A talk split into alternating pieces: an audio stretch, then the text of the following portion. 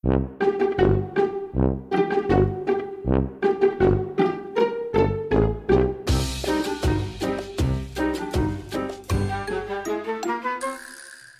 visiem klausītājiem! Šī ir otrā podkāsta drusku izglābt pasauli epizode. Šis podkāsts ir papildinājums eh, YouTube raidījumu sērijai ar tādu pašu nosaukumu, un es aicinu to noskatīties pirms šīs epizodes klausīšanās. Tā ir otrā epizode. Mēs runājam par second hand, par apģērbu pārstrādi, vai vispār viņas pārstrādā. To mēs arī šodien noskaidrosim. Un nedaudz beigās pieķersimies psiholoģiskajam aspektam, kāpēc mēs vispār velkam modīgas un jaunas drēbes. Šeit katrā raidījumā man pievienojās divi viesi, un šodien mums ir divas fantastiskas sievietes, kas abas daudz domā par modi, bet uh, videi draudzīgu modi. Viena no viņām ir Dace Akule, kas palīdzēja mums veidot raidījumu, sagatavoja dažādus faktus, un viņa sevi dēvē par ilgspējīgas modes eksperti. Tev ir arī rakstīts zaļā brīvība, tātad es pieņemu, ka tu darbojies arī zaļajā brīvībā. Tieši tā. Un otra sieviete mums ir uh, zaļa dzīvesveida modes blogeri, kas kādreiz bija vienkārši modes blogere, bet pirms kāda laika izdomāja nomainīt savu saturu, un tagad es skatos uh, YouTube runā arī līdzīgi par šīm pašām tēmām, kurām mēs runājam šajā raidījumā, kā samazināt atkritumus, kas vainas plasmasai, un arī daudz par modi un kā ģērbties dabai draudzīgi. Vai ne, Anet? Jā, sveiciens visiem! Dāce, es tev jautāšu uzreiz, kas tiek pārstrādāts, cik tiek pārstrādāts, vai vispār tas ir zināms? Nu, ja mēs skatāmies par Latviju, tad vienīgais, ko mēs zinām, ir patiesībā uh, Jā, diezgan maz, tāpēc ka vienīgais pētījums, kas par lietotu drēbju plūsmām ir bijis Baltijas valstīs, ir tāds, kur man pašai arī bija gods piedalīties Ziemeļvalsts ministru padomes pasūtījumā. Mēs tieši skatījāmies, nu, kas tad notiek ar lietotām drēbēm, ja? un tur mēs redzējām, ka uz to pārstrādi un atkal izmantošanu no lietotajām drēbēm Baltijas valstīs aiziet aptuveni 30-40%. Lielākā daļa no aptuveni 45% aiziet uz atkritumu poligoniem un tiek sadedzināti. Ja? Tā tā pārstrāde un atkal izmantošana, te es domāju, lietotas drēbes, kas tiek eksportētas piemēram uz trešajām valstīm, ja? tā tomēr arī ir tāda neliela daļa. Bet, ja mēs skatāmies uz tādu citu statistiku, kas ir par pasaules modes industriju pieejama, tas ir par 17. gadu, tad tur par pārstrādi mēs diemžēl varam runāt tikai par 13% no visa modes industrijas drēbju kalna jo 12% ir tie, kas tiek pārstrādāti uz zemākas pievienotas vērtības produktiem. Nu, te mēs, piemēram, runājam par to, ka drēbes tiek saplēstas, sataisītas matraču pildījumos, vai pēc tam no pūkām top siltināšanas materiāli, skaņu izolācijas materiāli vai tīrīšanas lupatiņas vai kaut kas tam līdzīgs. Un viens procents no modes industrijas pasaulē saražotā uh, lietotā apģērba, pēc tam, tad, kad mēs kādu laiku esam palietojuši, tiek pārveidots jaunos apģērbos tikai 1%. Un tas 1% ir arī identisks situācijai Baltijas valstīs. Latvijā, piemēram, mēs zinām tikai trīs tādus dizainerus, kas no lietotām drēbēm pārstrādā, pārveido jaunus apģērbus. Te mēs saprotam, cik niecīga daļa tiešām aiziet uz to pārstrādi. Vai tas ir uh, sarežģīts process, vai tas nesanāk ekonomiski izdevīgi, vai kādēļ tas netiek darīts vairāk šobrīd? Tur ir uh, visi šie tevis minētie aspekti. Viens ir ļoti sarežģīts process sastāva dēļ. Tu droši vien arī vari iedomāties, ja tu paskaties virciņā, kas ir rakstīts par dažādām šķiedrām, audumiem. Nu, nav tā, ka visa uh, modes industrija ir izdomājusi visi vienu un to pašu audumu izmantos. Ja? Tie sajaukumi un arī industrijas teiksim, meklējumi ja? pēc jaunām kaut kādām featurām vai rakstura lielumiem, kas padara to audumu mīlīgāku vai izturīgāku svarīgāku vai nu, dažādas raksturu lielumus dabūt. Tas nozīmē, ka patiesībā mēs nonākam pie ļoti liela skaita dažādiem kokteļiem tajos apģērbos. Un vienmēr sakot, tur skatoties iekšā, pirmām kārtām ir šobrīd tehnoloģiski neiespējami atdalīt tās šķiedras. Nu, piemēram, mēs iedomājamies steikraklu, kurā ir kokvilnu un elastāns, tad ir neiespējami atdalīt tos divus dzīpariņus. Vienkārši nu, tas ekonomiski nepanesam. Tur zinātnieki varbūt laboratorijā var to izdarīt tā, bet uh, ekonomiski tas nav panesami. Un otrs, protams, ir sliktā apģērba kvalitāte, jo ātrās modes zīmolu traknais gājiens un patēriņa vilkme, kas ir arī tā visa kultūra, kas ir vairāk varbūt rietuma Eiropā gājusi, bet nav jau arī tā, ka galīgi nav skārusi arī mūsu sabiedrību, nozīmē, ka tās drēbes ir tik nekvalitatīvas, ka, nu, piemēram, pa jaunām drēbēm pārveidot no ātrās modes zīmoliem, nu, gandrīz ir mazas cerības. Un arī tas, ka, protams, tajās drēbēs uh, ir tik daudz dažādu ķīmisko vielu, kad arī tas apgrūtina to pārstrādes procesu. Mēs nezinām, kas tur varētu nākt tam lācītim ārā, tā kā viņu sāk plēst vai, piemēram, mēģināt uh, ķīmiski pārstrādāt. Tā pārstrāde ļoti grūta visu šo iemeslu dēļ, bet ir ļoti vajadzīga un, un tiešām tiek darbs veikts, lai, lai spiestu to industriju domāt par tiem visiem visiem soļiem, lai tas būtu vairāk iespējams. Anita, tev ir uh, tas uh, video, kas vainas ātrajai modei piecās minūtēs. Vai tu vari izstāstīt 30 sekundēs, vēl uh, papildināt? Nu, jā, nu, tā kā Dārts jau teica, problēmas ir ar to kvalitāti un vienkārši to, ka tās tendences arvien vairāk maina. Un tā, tie apģērbi nemazām nepaspēja nodzīvot to savu dzīvi, kad viņi jau vairs nav stilīgi un nav vairs vajadzīgi. Un tajā pašā laikā nu, tas, ka vienkārši tie strādnieki, ja kas to visu taisa, viņi nesaņem pienācīgu algu, lai viņi vispār varētu izdzīvot normāli. Tas ir laikam tāds e, īsais, īsais kopsavilkums. Un arī, protams, nepienācīgi darba apstākļi ļoti bieži, vai ne? Tur... Jā, nu, tur ir varmācība un, un nedroši apstākļi, un sabrukušas ēkas, un tūkstošiem cilvēku ir miruši, un daudzas lietas, jā. Tas sākumā es aizdomājos vienmēr par to vidas aspektu, bet tad, uh, šajā tēmā patiesībā ir daudz, daudz plašāk uh, un daudz citu iemeslu, kādēļ svarīgi nepirkt šos ātrās uh, modes apģērbus. Kur jūs iepērkaties? Man māsa daudz dod. mums ģimenē. Mēs esam trīs māsas un, un māma, un tad mums ir tas savs iekšējais cirkulācijas aplis, kur mēs vienam otrai atdodam lietas. Man patīk arī lietotos apģērbus, pirkt nu, jaunas lietas. Es cenšos nepirkt tagad, bet, nu, ja es kaut ko gribētu, tad es noteikti skatītos, kāds ir tas ražotājs un vai vismaz kaut ko viņi dara kaut kādā labumā. Jā, tur sign kaut kāda certified vai pārstrādāti? Nu, jā, e ekoloģiskie certifikāti var būt gan audumiem, gan, gan vienkārši fair trade vai kaut kādus. Nu, var pastīties, kur viņiem ir uh, 1% for the planet un, uh, un dažādi šādi. Bet, nu, vietējo jau arī, vienkārši vietējais jau arī ir, manuprāt, nu, jau labāk.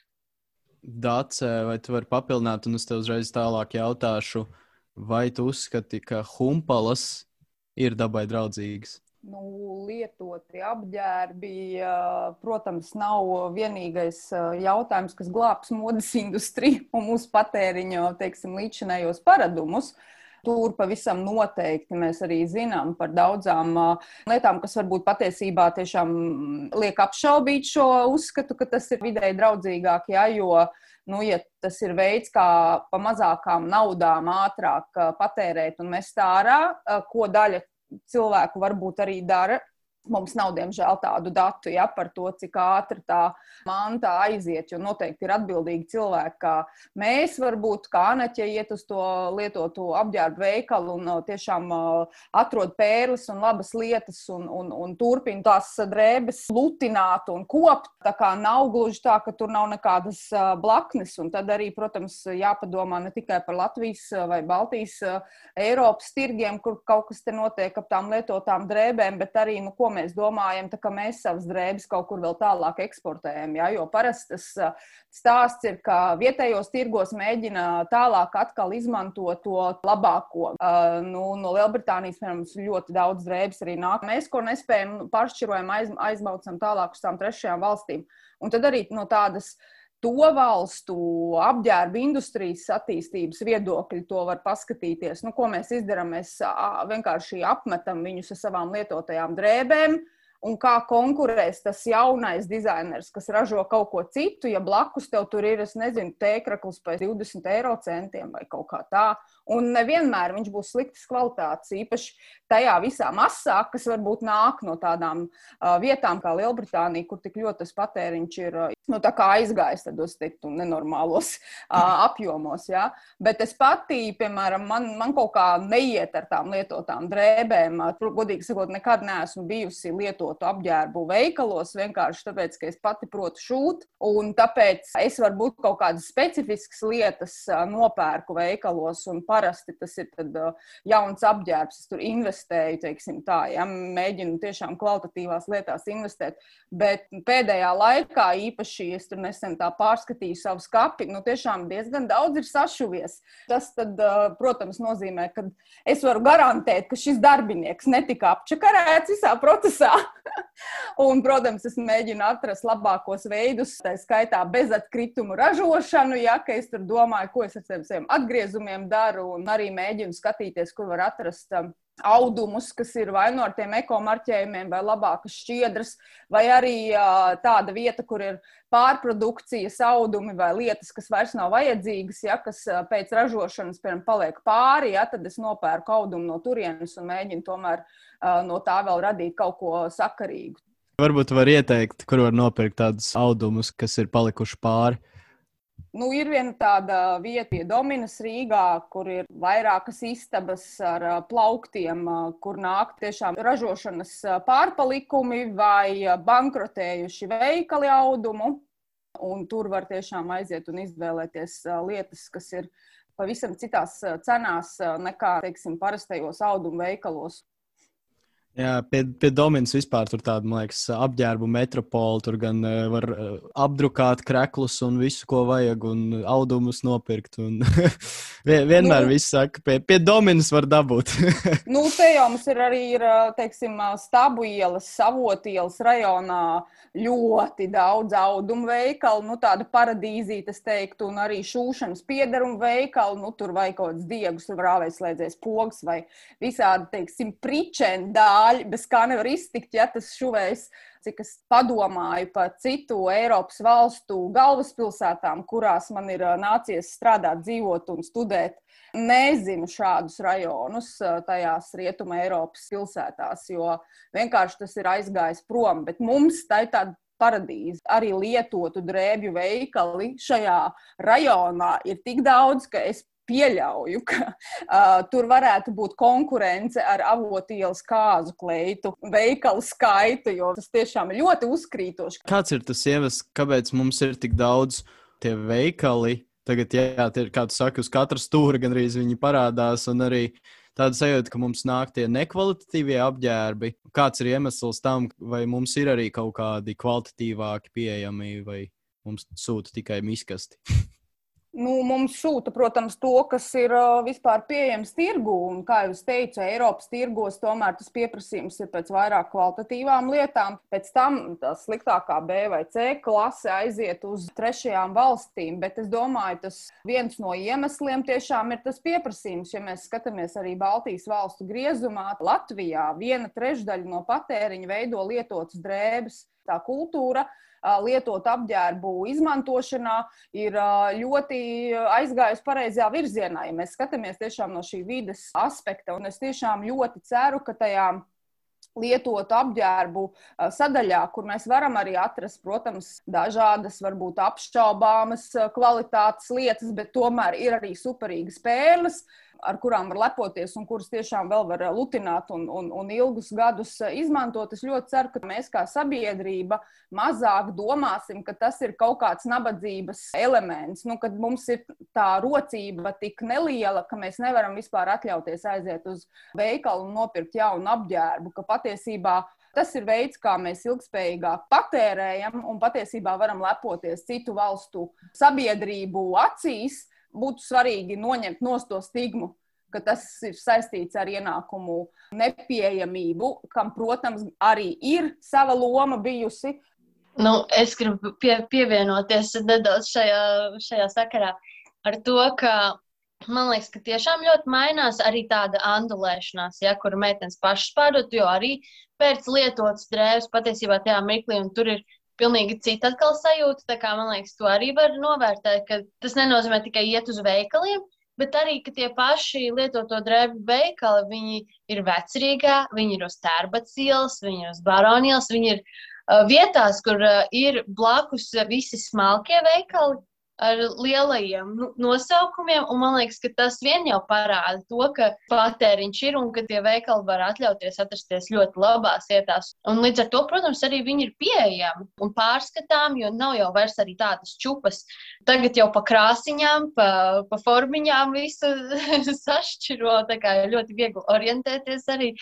Bet, nu jā, kam nepatīk iet uz tiem veikliem, vienmēr jau var no, no cilvēka pat aiznopirkt. Tas jau arī ir variants. Un labdarības veikali jau ir vēl viens stāsts. Tad. Un tur ir interesanti, ka var vietējos dizainerus atrast otrā elpā, piemēram. Un tas, kas nu, bijis dārgs ļoti veikalā, un tur var daudz lētāk atrast. Tad uh, tas pieprasījums uh, turpina augt, un līdz ar to mēs arī redzēsim kvalitatīvākas drēbes. Varbūt pat uh, redzēsim kādu dienu lietotu apģērbu shopping mall, ja lielo tirdzniecības centru, kur nevis jauni apģērbi, bet lietoti. Tas būtu nu, citās, es neatceros, tagad, kurā valstī, bet, ja nemaldos, kādā no Skandināvijas valstīm jau ir tāds lielveikals, kur nav tikai drēbes, gan ir arī mēbeles un kaut kādi stikli, trauki un tam līdzīgi. Ja? Tā kā tāds jau ir, un, protams, tajā virzienā tas varētu arī aiziet. Tikai es teiktu, ka jautājums ir par to, ka varbūt tad, kad tā pārstrāde aizies lielākā apjomā, būs atrasti veidi, kā tomēr to pārstrādi veicināt, ka varbūt daļa no šīm drēbēm, kas šobrīd ir lietot apģērbu veikalos, tiks pārstrādāti, un tur varbūt paliks vairāk, teiksim, tās pērles un, un, un, un, un labas kvalitātes lietas, kuras tad līdz ar to arī tiks savādāk apčubināts, kā Anets saka, ka kā vairāk nav tādi kalni un varbūt tur tiešām kā pa katru to apģērbu tomēr vairāk rūpējas arī palīdzam patērētājiem izvēlēties, nu, ka mēs iesim uz to, ka tie drēbju veikali, lieto drēbju veikali arvien vairāk uh, līdzināsies jauniem, ja? Kā jums liekas, vai Latvijā cilvēki ģērbjas stilīgi? Es domāju, ka jā, protams. Mums varbūt ir mazliet cita vēl sajūta nekā nu, rietumos, bet tajā pašā laikā pie mums ir tīpaši meitenes. Nu, viņām gribās tur tā uzpucēties. Nu, tā. Kad man liekas, citreiz rietumos pat ir tāda čilīgāka tā attieksme. Tur, ai, nu jā, tur kaut kā tas botas, tur treniņu bikses vairāk, varbūt vai kaut kas nu, tāds sportiskāk vai kaut kā vēl brīvāk un mazāk krāsojas. Vai. Bet es domāju, ka pie mums ir stilīgi cilvēki. Jā.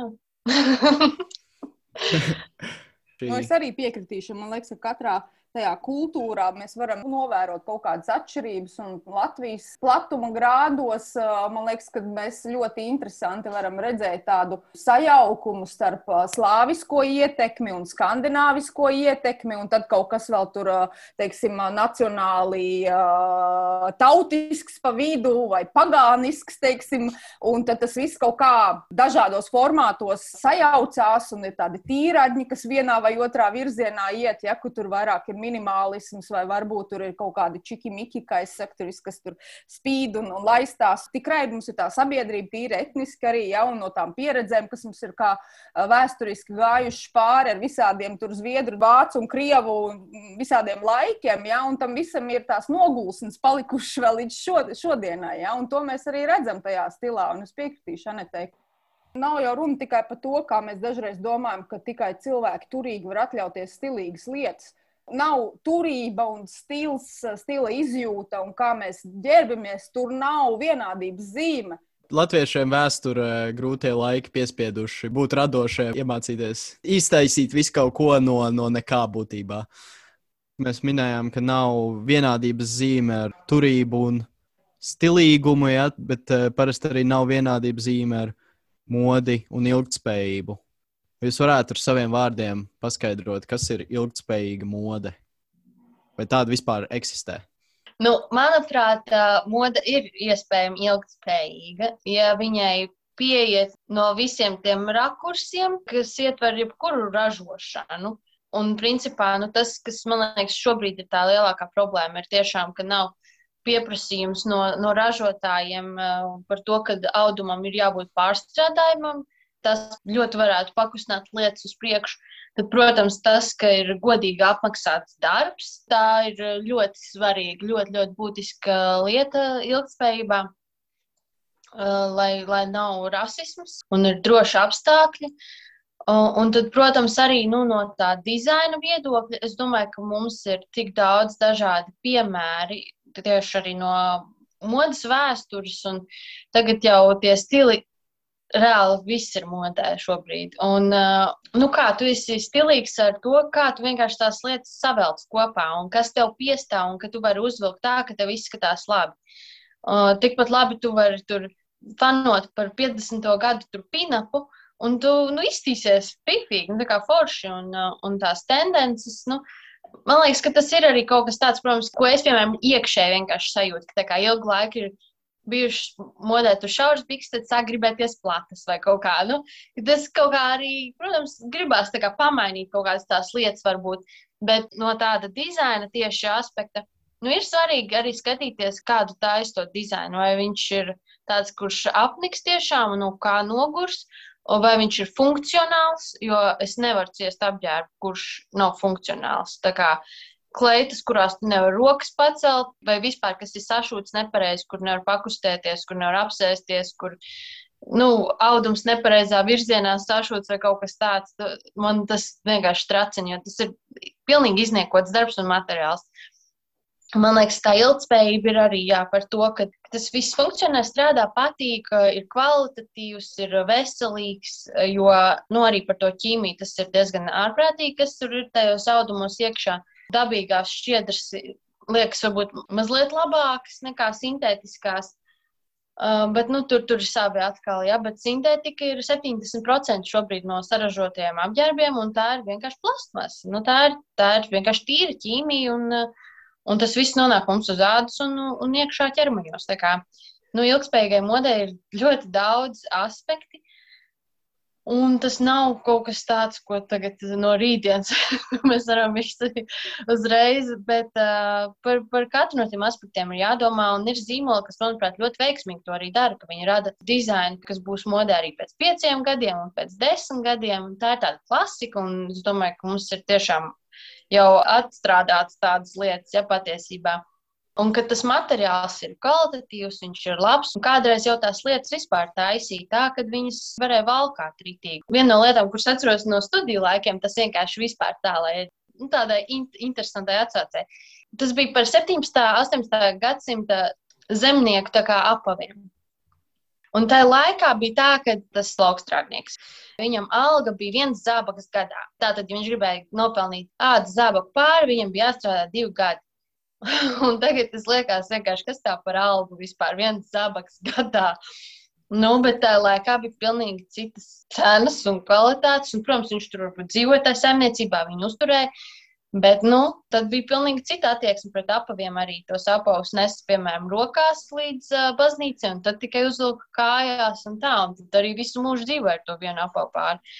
Un, protams, mums nav jādzīvo ar vienu pāri. Bet vienkārši tā attieksme un tā rūpība pret lietām ir krasi samazinājusies pat dažiem gadsimtiem.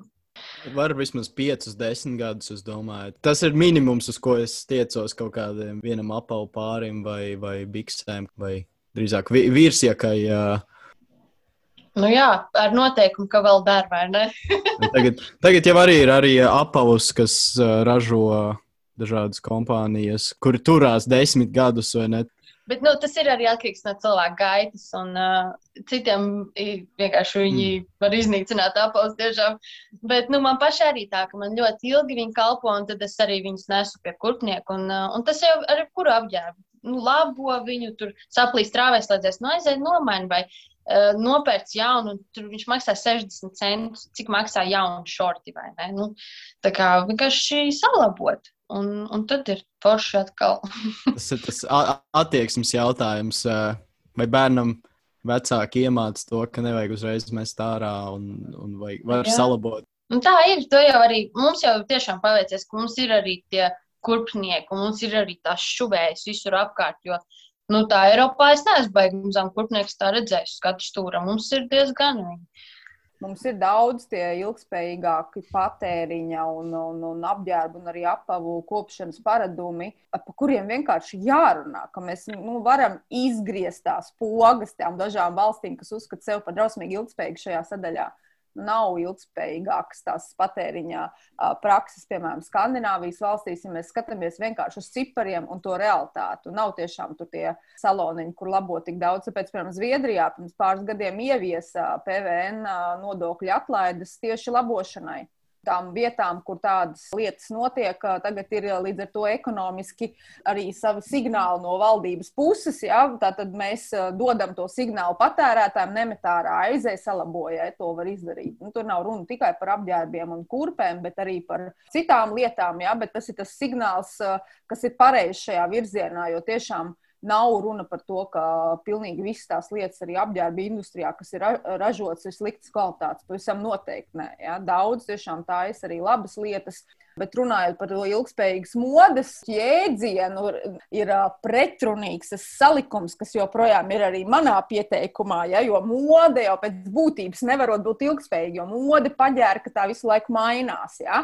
Bet redz, mēs šobrīd esam nonākuši pie tā, ka modē ir individuālais, autentiskais stils, kur pats katrs cilvēks sevis meklēšanā, pieņemšanā atrod to savējo, un līdz ar to stilīgi ir visi. Ja vairs nav tie laiki, ka kaut, kaut kāda kods kaut kāds ir jāizmanto, lai tu varētu integrēties. Ja? Bet, ja mēs nerunājam tikai par to stila sadaļu, ja mēs runājam par to ilgspēju no vides viedokļa, no, no cilvēktiesību viedokļa, ja? no tā, kā mēs ražojam tās drēbes, tad tur tiešām ir ļoti, ļoti, ļoti daudz lietas, ko mēs varētu uzskatīt par ilgspējīgām. Tāpēc, teiksim, ja mēs sakam ilgspējīgs modes zīmols, tur mēs varam ļoti daudz variantus iedomāties. Tur var būt mm, dizainers, kas, piemēram, taisa apģērbus nepiegriežot, tur ir kaut kādas speciālas piegrieznes, nerodas atkritumi. Ja? Varbūt ilgspējīgi, ka tu ņem ekosertificētus audumus. Uh, ilgspējīgs varbūt arī uh, nozīmē to, ka tiešām tu skaties, ka tu ražo tādā vietā, kur domā par to vidi, ja, un, un, un neapčakarē un neizmanto ļaunprātīgi tos cilvēkus, kas strādā. Ja, vai, piemēram, skatās, kādas ķīmijas tajā ražošanas procesā, cik daudz ūdens vai enerģija ir patērēta. Tur ir ļoti, ļoti daudz ilgspējīgu zīmolu, tāpēc arī tajā pašā industrijā ir tas jautājums, nu, vai mēs negribētu kaut kā tomēr definēt, jo diezgan viegli arī nodarboties ar tādu deklarāciju pārdošanu, ja, vai zaļmaldināšanu, ka mēs redz, esam baigi zaļie, ilgspējīgie, un arī modes industrijā tas ir izplatīts. Ja, arī lielie ātrās modes zīmoli reklamē kaut kādas jaunas līnijas, kas ir margināls vienības uz visu tā apjomu, kas turpinās tiek ražots pēc parastajām tādām metodēm, ja, neilgtspējīgi, bet tik un tā mums ir tie skaistie nosaukumi. Ja, un tāpēc arī piemēram, šobrīd, tieši šajā gadā,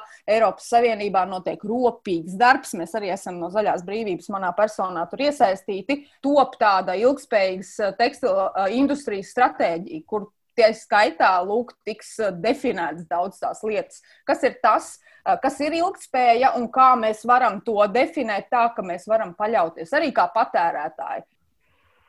Nu, man sāk izklausīties, ka par Latviju runājot, eh, nav nemaz tik slikti mums tajā Latvijā, ka mēs esam diezgan lieli malači. Un arī te jau eh, jūs jau, jau atbildējāt uz eh, nākamo jautājumu. Daudz, daudz lietas minējāt par to modes industrijas nākotni, kā tā varētu izskatīties. Es jau tagad esmu redzējis, vai ne, ir kompānijas, kurām ir mūža garantija. Viss, ko tu nopērci, tur mugursomu vai jaku, tev salabos uh, jebkuru viņu apģērbu. Bet vēl varbūt kaut kas ir piebilstams par uh, to nākotni, uz ko mums vajadzētu virzīties. Nu, es teiktu, ka vienkārši vajag pārdomāt to savu garderobu un viņu apzināti arī veidot. Nevis tur iepatikās, nopirkšu vai kaut kā tā. Nu, es, protams, saprotu, mēs neesam nekādi tur uh, robotiņi, kas tikai izkalkulē vajag kaut kā mēģināt sajust to savu to virzienu, to savu stilu, un tad to skāpi arī tā veidot, vienkārši tā apzinātāk, un skatīties un lasīt un interesēties par visu to, kā tās lietas tur ar to dabu ir, un, un cilvēku tiesībām un visu. Daudz jau arī Latvijā tiešām uh, nav tādi, kas uh, ķers tāpēc, ka tur tikai ierauga. Man liekas, daudz sievietes arī ir tādas, kas ļoti pārdomā. Un tie skaitļi mums tiešām ir arī zemāki. Nu, nevar, protams, to tā pateikt, kāpēc mums tieši pērk mazāk drēbes, vai tas ir tāpēc, ka ir mazāk naudas, vai tāpēc, ka mēs esam prātīgāki. Varbūt abi divi. To es tā arī nezinu. Cik es skatos, man liekas, Latvijā tiešām tie, kas ražo, viņi ir, nu, ir ar tādu vēlmi radīt, kvalitatīvi radīt, skaistu, la, radīt tādu foršu. Un tur jau tad klāt var nākt vēl visi tie pārējie aspekti, kurus jau arī vēl tāds minēja. Tas ceļš to virzienu ies, un tur jau nebūs vairāk arī izvēles, jo šajā Eiropas Savienības stratēģijā tas uzstādījums, ka ilgtspējai ir jābūt normai, nevis izņēmumam. Un es domāju, to mēs redzam arī citās produktu kategorijās un vispār tajā sabiedrības attīstībā. Nu, mēs taču saprotam, cik mūsu tajā planētā ir tie ierobežojumi ar vien labāk. Ja? Un līdz ar to arī šajā modes industrijas tēmā tas prasa mainīt to, kā līdz šim mēs strādājām. Un ir konkrēti mājas darbi un konkrētas lietas, kur nu, mums vairs nav iespējams izvairīties. Un, piemēram, tajā pārstrādes sadaļā jau 23. gadā Latvija ir apņēmusies, ka mums būs speciālas vietas un konteineri, kur mēs varēsim savus lietotās drēbes nodot. Un tātad tas nozīmēs, ka tas uh, mūsu džemperīts nebūs blakus tomātam, banānam, izai un tam līdzīgi, kā tagad ir sadzīves atkritumos, ja, kas nozīmē, ka šito džemperīti toču nevarēs pārstrādāt, viņš ir sabeigts. Ir konkrētas lietas, mēs nerunājam tādas vispārīgas, nu, zinu, tur patēriņa paradumu maiņas, tur varbūt uzņēmumi. Nē, ir jau konkrēta likumdošana Eiropas Savienībā. Mēs esam piekrituši, izdomājuši, apņēmušies. Un tas nav arī pēc 20 gadiem, tas jau principā ir tepat ap stūri, kad mums būs ne tikai jāsavāc atsevišķi, bet arī jādomā, kā pārstrādāt un kā mazināt to radīto tekstilu atkritumu kalnu. Tā kā mēs būsim spiesti tajā virzienā domāt. Teiksim paldies Eiropas Savienībai. Taisīsim drēbju apmaiņas balītes, pirksim šūnu mašīnas, šūsim paši un uh, dzīvosim. Uh, ilgspējīgi. Paldies! Oh. Ar jums kopā bija Edgars Fresh, Dace Akule un Anita Ozoliņa. Tiekamies jau nākamajā raidījumā.